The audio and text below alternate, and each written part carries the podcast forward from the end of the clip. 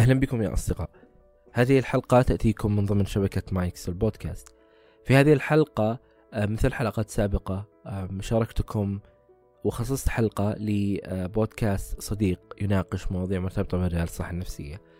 والهدف هو آه، نشر هذا المحتوى وكلنا موجودين في هذا المجال لنفس الهدف ولتقديم نفس المهمة والأشياء اللي إحنا نبغى نوصلها كلنا نتشارك فيها. تختلف الطرق قد نختلف في في في بعض المواضيع قد نختلف حتى في على بعض الأفكار التي تشارك لكن الهدف هو وجود هذا الصوت المختلف في مجال الصحة النفسية وبودكاست عربي يهتم بهذا المجال.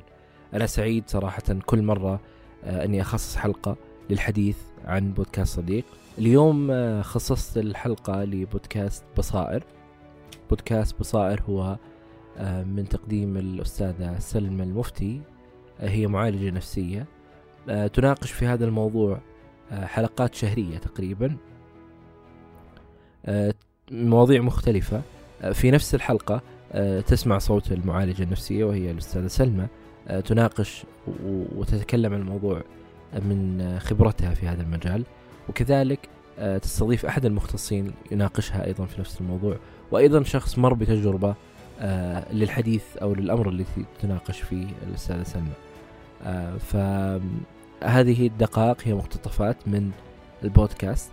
آه، في حال أنكم أردتم استماع لكامل الحلقات آه، أو متابعة محتوى بصائر سأضع رابط الاستماع لهم في وصف هذه الحلقة. لا تنسوا يا أصدقاء تقييم بودكاست وجدان على iTunes. كذلك مشاركة الحلقات السابقة مع من تحبون عبر منصات التواصل المختلفة. أي شخص حاب يشارك تجربته معنا على البودكاست أتمنى منك أنك تتواصل معي على العنوان البريدي وهو أسامة وجدان dot com كل شيء ذكرناه في هذه الحلقة تجدونه في وصف هذه الحلقة. وشكرا لكم. أنا أسامة الجيفان وهذا وجدان.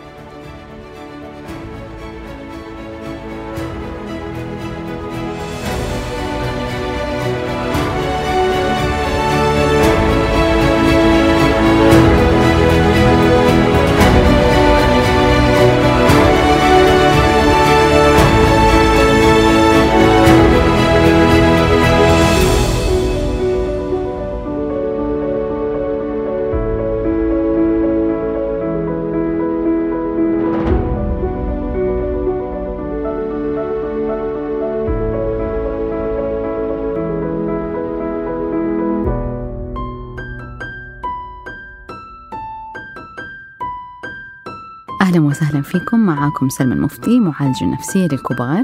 برنامج بصائر هو برنامج يعالج قضايا نفسية لنشر التوعية وتغيير النظرة السلبية النمطية عن الصحة النفسية. الفكرة الوسواسية بشكل عام هي فكرة زنانة متكررة تجبر الواحد يسوي سلوكيات قهرية غصبا عنه عشان يخفف هذه الفكرة. الشك الطبيعي ممكن يجينا مثلا مرة في الشهر مرتين في السنة كذا بطريقة لطيفة خفيفة ما فيها مرة توتر عالي. أما الشك الوسواسي يجي بطريقة يومية دورية مستمرة وفيها دائما سلوك قهري يجبرني أتصرف بطريقة معينة. إحنا نسميها compulsions. يعني كان عندي عميل تجي فكرة إنه هو حيطعن أمه. أول ما يفتح الدرج مثلا حق الملاعق ولا يشوف سكينة أول شيء يجي في باله إنه هذه السكينة أنا حأخذها وبالتالي أشوف صور إحنا نسميها intrusive images اني بطعن هذه الإنسان اللي أنا مرة أحبها ويتخيل هذه الصورة. فبالتالي يبدأ يخاف تماما يمسك هذا الدرج. خلاص ما أمسك سكينة ابدا. حتى جلس فترة مرة طويلة بس يأكل بالملعقة. طيب في أنواع مرة كثير الوسواس القهري. أغلب الناس تركز على بس نوع واحد اللي هو وسواس النظافة. لكن فعليا الوسواس أنواع كثير منها مثلا وسواس التأكد. ويعتبر من أشهر أنواع الوسواس القهري إنه الشخص يتحقق ويتأكد من أشياء زي مثلا أنا قفلت الفرن ولا ما قفلته؟ فينزل الشخص ويقفل ما يرجع مرة ثانية تجي الفكرة ينزل مرة ثانية يتأكد. موضوع التشيكينج هذا والتأكد مرة يكون عادي مو بس في هذه الأمثلة في أمثلة مرة كثير في جوانب الحياة. موضوع التأكد مثلا ممكن يجي في الوضوء وصلت الموية ما وصلت الموية؟ أنا صليت صح ولا ما صليت صح؟ هل هذه الركعة الثانية ولا الركعة الثالثة؟ نيتي صحيحة ولا ما هي صحيحة؟ فبالتالي الأعراض تكون مرة كثير الوقت ياخذ مرة طويل بالنسبة لهم الصلاة تكون مرة طويلة الشيء لما هم يبي يسووه أو الواجب أو التاسك يصير مرة مرهق. في نوع آخر لأنواع الوسواس القهري هو اشترار الأفكار إنه الشخص ينتقل من فكرة إلى فكرة بس بطريقة شوية مزعجة ففيها مرة مقارنات فيها وسوسة هل الدين صحيح؟ طب كيف صحيح؟ ليش صحيح؟ طب هل أنا دحين بديت طريقة ألحت ولا ما ألحت هل أنا دحين أعتبر خارج من الملة ولا لا؟ كثير أفكار تلف حوالين الشخص بمعنى إنها تخليه في دوامة بس بطريقة وسواسية جدا. كيف نعرف إنها وسواسية؟ إنه الشخص يحس إنه هو في صراع في هذه الأفكار. كيف نقدر نعالج الوسواس القهري باستخدام نظرية التقبل والإرادة للتغيير المعروفة بأكت عن طريق إن إحنا نتقبل هذه الأفكار وهذه المشاعر السلبية. طبعا نظرية أكت مبنية على إنه الحياة ما هي سهلة وفيها كثير من الآلام وكثير من المشاعر السلبية وكثير من الأفكار الغير مرغوب فيها. فكل ما إحنا سيطرنا عليها كل ما زادت. فما نجهد نفسنا ونبذل طاقاتنا في تغيير الأفكار أو في مثلا التحليل أو نعرف أسباب هذا الوسواس أو كيف أنا أقدر أسيطر عليه وكيف أقدر أتخلص منه. إحنا بس نحتاج إن إحنا نكون في اللحظة الحالية ونسمح لهذه المشاعر المؤلمة الوحشة اللي أنا ما أبغاها إنها تجي وتروح كأنها بتزورني كأنه زوار.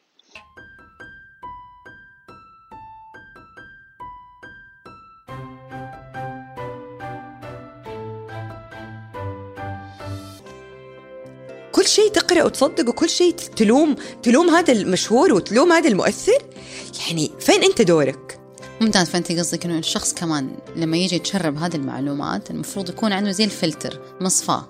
يعني حتى لما إحنا بن بن بنظهر الحقيقة في وزنية مو مرة كمان أنا حشطح في ناس دي overshare. This is wrong. أروح أحكي وبيتي و... وكل شيء وبهدلة ومثلا مضاربات ولا أفضح. لا. ما أبغى كمان أنا اشوفه ابجلس أشيل همك وأشيل هم ش... لا حبيبي يعني ما يسوى علي ده الله يخليكم. أيوه في في, في يعني خليني أشوف الزاوية الثانية. نفسك العصاية من النص بالضبط. يعني أنا نرجع للأثر. إيش؟ المشاهير والمؤثرين لما يشتغلوا على نفسهم ينموا مهاراتهم يقدروا يفكروا إيش الأثر اللي أنا بصنعه من هذا الحساب. إيش ال message حقي؟ إيش رسالتي؟ ليش أنا أصلا بحط محتوى؟ زاوية إضافية مهمة في كلامنا عن أثر ال social media على نفسياتنا هو إدراك وجود فرق بين الذكور والإناث في هذه المواضيع. فممكن تكون المرأة أكثر قابلية للوقوع في المقارنات المضرة مع غيرها من النساء أو تكون أكثر خوفا من نشر شيء عن نفسها أو تحط صورتها بسبب انخفاض الثقة في النفس وفي الشكل. في كل هذا الضجيج الإلكتروني لا تنسى أن التحكم في يدك وكان وما زال وحيضل في يدك. بإمكانك تأخذ إجازة من ال social media. أو حتى تخفف أو تقطعه بالكامل. بإمكانك أنك تستخدمه بذكاء أكثر في أوقات معينة.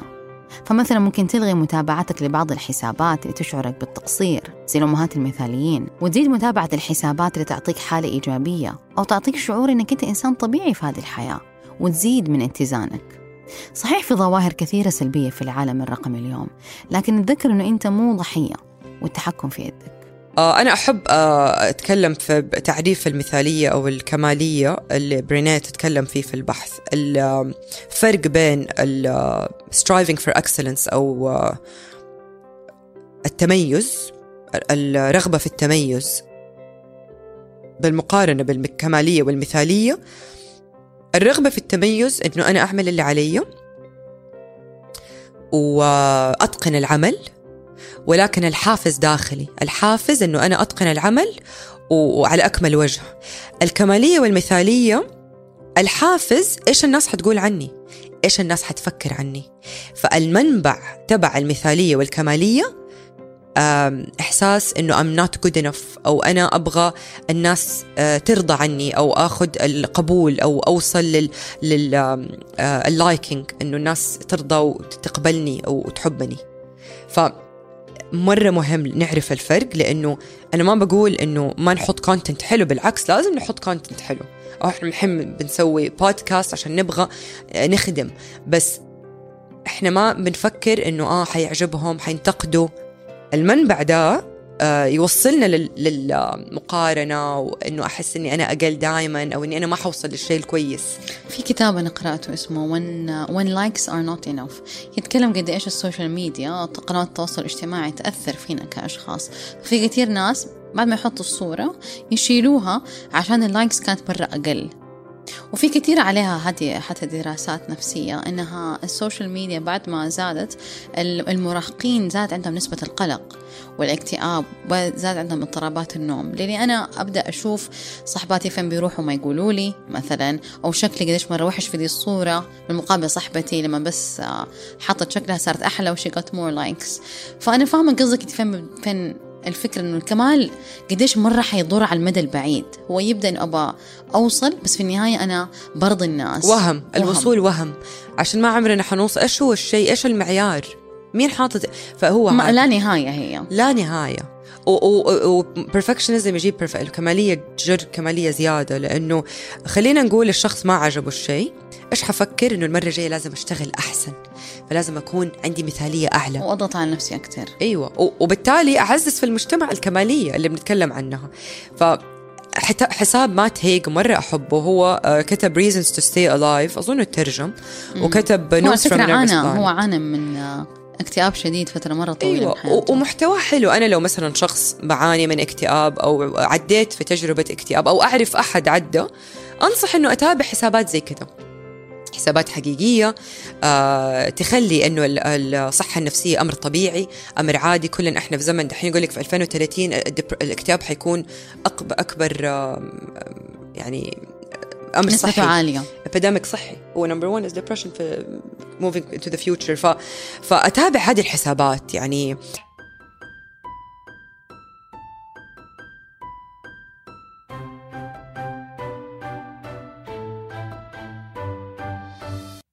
بعد العلاج النفسي بفترة بدأت أحس إني أفضل لكن أخذ مني وقت طويل إني أتقبل الموقف واللي صار وإنه أنا مالي أي ذنب. طب كيف الواحد يسامح نفسه؟ أول حاجة إنه حب نفسك بضعفها وقوتها. إحنا دايما ما نحب الجانب الضعيف فينا. يعني دايما ما نحبه ونحس إنه هو يكسفنا ويفشلنا ويخلينا نخسر. بس بالحقيقة الجانب الضعيف مرات يكون هو الأجمل فينا. يعني مرات المشاعر الكسرة والحزن والفقد تخلينا نلامس مشاعر تانية كمان ممكن من وراها. فأول حاجة إنه إحنا نحتوي نفسنا بكل ما فيها بضعفها بقوتها.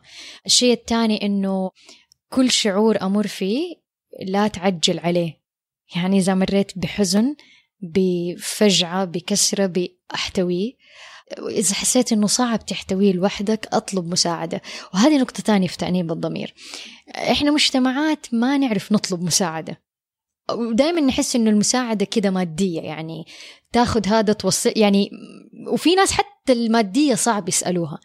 وشيء تاني إحنا كمان ما نعرف نقول بالضبط يعني إحنا ما نسأل إي بالضبط. إحنا ما نسأل كيف ممكن أساعدك وكمان إحنا ما نقول كيف ممكن أنتوا تساعدونا. فأعتقد هذه مهارة مرة تساعد كثير في حالة تأنيب الضمير. يعني إذا الإنسان خسر مثلا إنه أطلب المساعدة كيف ممكن اللي حوالينك يساعدوك؟ آه ممكن ما يعرف بس أنت عرفه. والإنسان يعني مخلوق عجيب قادر للتعلم والتغيير دائما يعني. فهذه احدى الأسباب كمان اللي تساعد. أنا أشوف من الأشياء اللي برضو مرة تساعد إنه غير إن الواحد يقول هذه المشاعر مرة طبيعية يعني ممكن الواحد يركز على إيش العوامل اللي فعليا خارجية أثرت. إيه بالضبط. إذا أنت شخص حتشعر إنك مسؤول طب خلينا نشوف إيش الأشياء الثانية اللي برضو مسؤولة فعليا عشان تقدر أنت تشوف الأشياء بمنظور كذا حقيقي واضح. بالضبط. اللي أشوفه برضو برضو مرة يفرق عبر عبر عن أي حاجة تجي في بالك. لأنه أغلب الأشخاص لما يمروا بهذه الصدمات اللي حوالينهم يبغوهم مرة يتناسوا الموقف. خلاص تفكر زي كذا خلاص تفكر زي كذا بس هو مسكين كل ما يقول تفكر زي كذا هو يفكر أكثر من كذا أكثر بالضبط لأنه بينكتم جالس. فيصير المو... الموضوع أسوأ. وأنا أشوف هذه برضو نقطة مرة مهمة في العلاج النفسي إن هم أغلبهم جزء منها في خجل إن أنا ترى بحكيك عن مشكلة مرة أنا أشعر إنها يعني مسؤول فيها. اجين لأنها تبين ضعف وإحنا ما متسامحين مع ضعفنا. بس في نفس الوقت بعد فترة لما هو يبدأ يسمع نفسه يستوعب أكتر إنه حقيقي أنا يعني زي الأسطوانة المشروخة من دون أي منطق أنا قاعد أفكر. فمع الوقت هم يبدأوا يعقلنوا. هذه الأفكار أكتر فيدخل وقتها السكينة الهدوء اللي هو كان أول مرة ضوضاء وضج العقل وأحس هذا الشيء مرة مهم بعد فترة لأنه لو أنت قعدت بدون سلام. ذاتي. أنت صح. حقيقه حتفقد صوابك. مزبوط. آه نقطة تانية كمان تذكرتها اللي هو أنا أنا أسميها الاستخدام الأنا بشكل مفرط. يعني آم، الإنسان اللي دايما يحس إنه أنا أقدر آه، أنا حاسوي أنا مش عارفة إيه. لما نمر بإخفاقات مثلا وفي شيء خططته وما صار هذا لما أنا أعترف فيه أو أنا ما قدرت أنا حاولت أسوي وما زبط. حتى لو في المواقف البسيطة وهذه بالذات للآباء والأمهات إنه دايما وروا أولادكم مواقف الفشل البسيط. بالتالي لما نمر بالصدمة الكبيرة نكون إحنا كنا ندربنا نفسنا على إنه آه أنا ما زبط أنا ما قدرت أنا أنا حاولت بس ما زبطت. اللي ما بدي أسميها الفشل بس إنه آه مو كل شيء يمشي مرة مزبوط وصح وما يصير. وإنه الأنا تغلط وإنه الأنا ممكن يكون فيها جانب ضعيف وجانب يعني قوي وقادر إنه يسوي. فهي هذا الخلطة again يعني مرة تانية.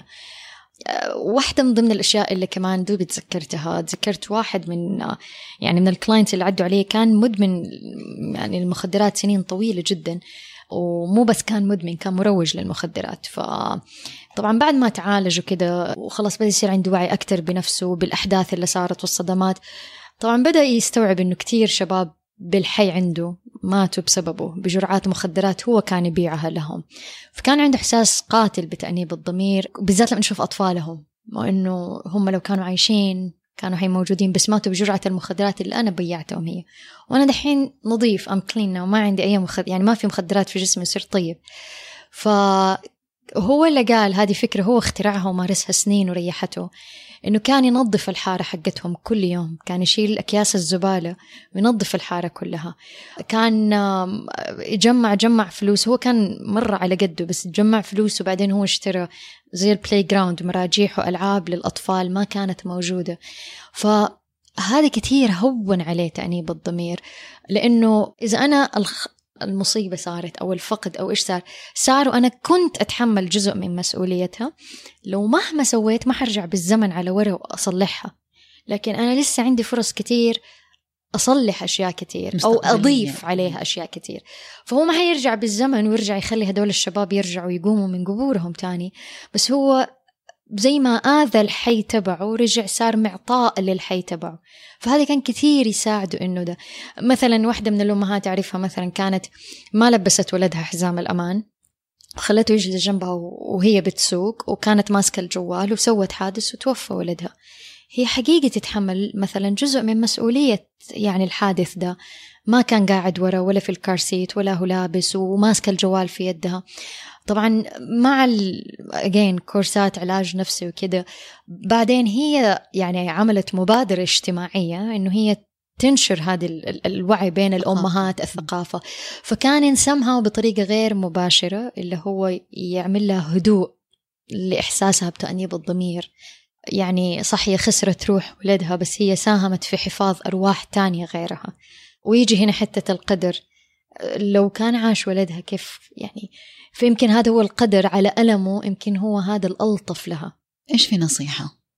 مع كل الكلام اللي قلناه يعني أنا أرجع مرة تانية إنه نتسامح مع إنسانيتنا ونحتوي ونحب ضعفنا زي ما نحب قوتنا. ودائما دائما نذكر بعض في أي موقف إنه أنا قد إيش أتحمل مثل مسؤولية. كم في المية؟ وأدي رقم. وأسأل نفسك كم مرة السؤال؟ زي ما قلت لأنه مرات لما نسأل السؤال أقول لا في المية بس أسأل نفسك مرة ومرة ومرة وتاني ولين توصل لفعلا دائرة التحكم الحقيقية.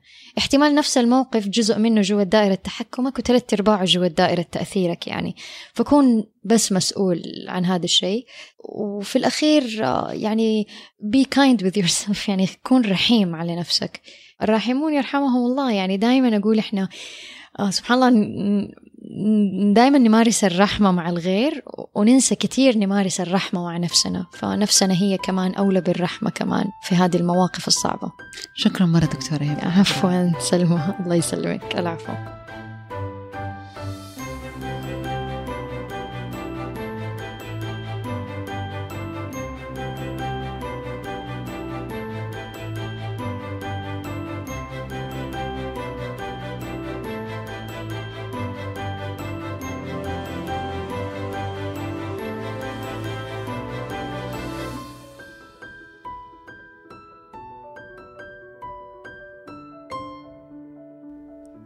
شكرا لكم يا أصدقائي لاستماعكم لهذه الحلقة. لا تنسوا تقييم البودكاست على ايتونز كذلك مشاركة الحلقات السابقة أو هذه الحلقة مع من تحبون عبر منصات التواصل المختلفة.